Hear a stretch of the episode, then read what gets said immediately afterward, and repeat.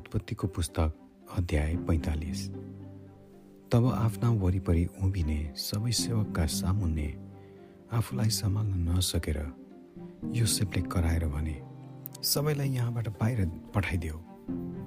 यसैले योसेफको आफ्ना दाजुभाइहरूसँग आफूलाई प्रकट गर्दा त्यहाँ अरू कोही थिएन। अनि तिनी यति ठुलो स्वरले रोए कि मिश्रीहरूले यो सुने र फारोका परिवारहरूका ले पनि यो कुरा थाहा पाए। योसेफले आफ्ना दाजुभाइहरूलाई भने म योसेफ हुँ। के मेरा बुवा जीवितै हुनुहुन्छ? तर तिनका दाजुहरूले तिनलाई जवाब दिन सकेनन्। किनकि तिनको सामुन्ने उनीहरू डराएका थिए। तब योसेफले आफ्ना दाजुहरूलाई भने कृपा गरी मेरो नजिक आओ उनीहरू नजिक गएपछि तिनले भने तिमीहरूले मिश्रमा बेचेको तिमीहरूको भाइ म नै हुँ। तिमीहरूले मलाई बेचेकोमा अब दुःख नमान। आफैमाथि रिस नगर। किनकि जीवन बचाउनका निम्ति परमेश्वरले मलाई तिमीहरूभन्दा अघि यहाँ पठाउनु भएको हो।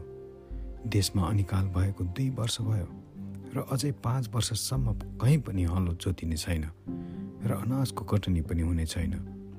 अनि तिमीहरूलाई एउटा भागको रूपमा पृथ्वीमा जोगाएर राख्न र तिमीहरूको जीवन बचाउनु भने परमेश्वरले मलाई तिमीहरूभन्दा अघि यहाँ पठाउनु भएको हो। यसैले मलाई यहाँ पठाउने तिमीहरू होइनौ तर परमेश्वर नै हुनुहुन्छ। उहाँले मलाई फारूका बुवा तुल्य र उनका सारा परिवारका मालिक र मिश्रभरिका शासक तुल्याउनु भएको छ। अब झट्टै मेरो बुवा कहाँ गएर उहाँलाई भन। तपाईँको छोरो योसेफले यसो भन्छ। परमेश्वरले मलाई सारा मिश्रका मालिक तुल्याउनु भएको छ। कति अनि अबेर नगरी म कहाँ आउनुहोस्। तपाईँ गोसेन प्रदेशमा बसोबास गर्नुहोस्। तपाईँ र तपाईँका बालबच्चाहरू र तपाईँका नाति नातिनाहरू र तपाईँका बगालहरू र तपाईँसँग भएका जे जति सबै मेरो नजिकै हुनेछन्। त्यहाँ म तपाईँको पालन पोषण गर्नेछु किनकि अनिकालका अझै पाँच वर्ष बाँकी नै छन्। नत्र त तपाईँ र तपाईँका परिवार र तपाईँसँग भएका सबै दरिद्र हुनेछन्।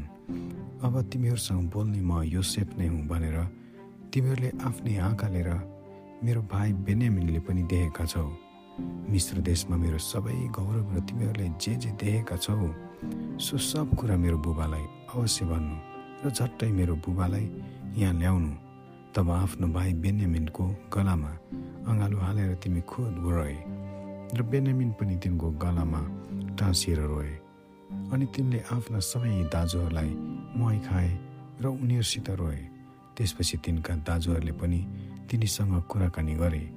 यो सुपका दाजुभाइहरू आएका छन् भन्ने खबर जब फारूको घरमा पुग्यो तब फारू र उनका अधिकारीहरू सबै खुसी भए। फारूले योसेफलाई भने तिम्रा दाजुभाइहरूलाई यसो भन तिमीहरू आफ्ना पशुहरू लदाएर कनान देशमा फर्केर जाऊ र तिमीहरूका बुबा र तिनको परिवारका सबैलाई लिएर म कहाँ आऊ मिश्रको सबैभन्दा असल ठाउँ म तिमीहरूलाई दिनेछु र तिमीहरूले यस देशको असल उब्जनी खानेछौ। तिनीहरूलाई यसो भनेर पनि हुकुम गर। तिम्रा बालबच्चा र तिम्रा पत्नीहरूका निम्ति मिश्रबाट गाडाहरू पनि लैजाऊ र तिमीहरूका बुबालाई लिएर आऊ।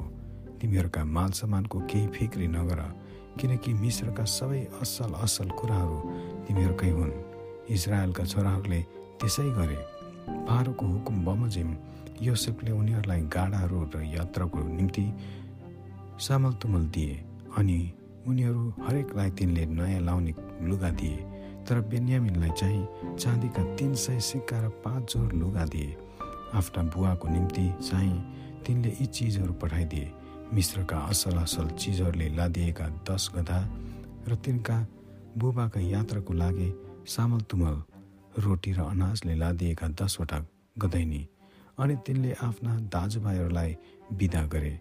बिदा हुँदा तिनले उनीहरूलाई भने बाटोमा झगडा नगर। यसरी उनीहरू मिश्रबाट कनान देशमा आफ्ना बुवा याकुब कहाँ आए? उनीहरूले तिनलाई भने योसेफ त अझै जीवितै रहेछ। र मिश्रका अधिपति तिनी नै भएका रहेछन्। यो कुरा सुनेर तिनको हृदय गति नै रोकियो। तिनले उनीहरूको कुरा पत्याएनन्। तर उनीहरूलाई भनी पठाएका योसेफका सबै कुरा सुनेपछि र आफूलाई ल्याउनु भनी योसेफले पठाएका गाडाहरू देखेपछि उनीहरूका बुबा याकुबको होस फर्क्यो र इजरायलले भने यति भयो मलाई पुग्यो। मेरो छोरो योसेफ जीवितै रहेछ। म जानेछु र म मर्नुभन्दा अघि त्यसलाई हेर्नेछु। आमेन।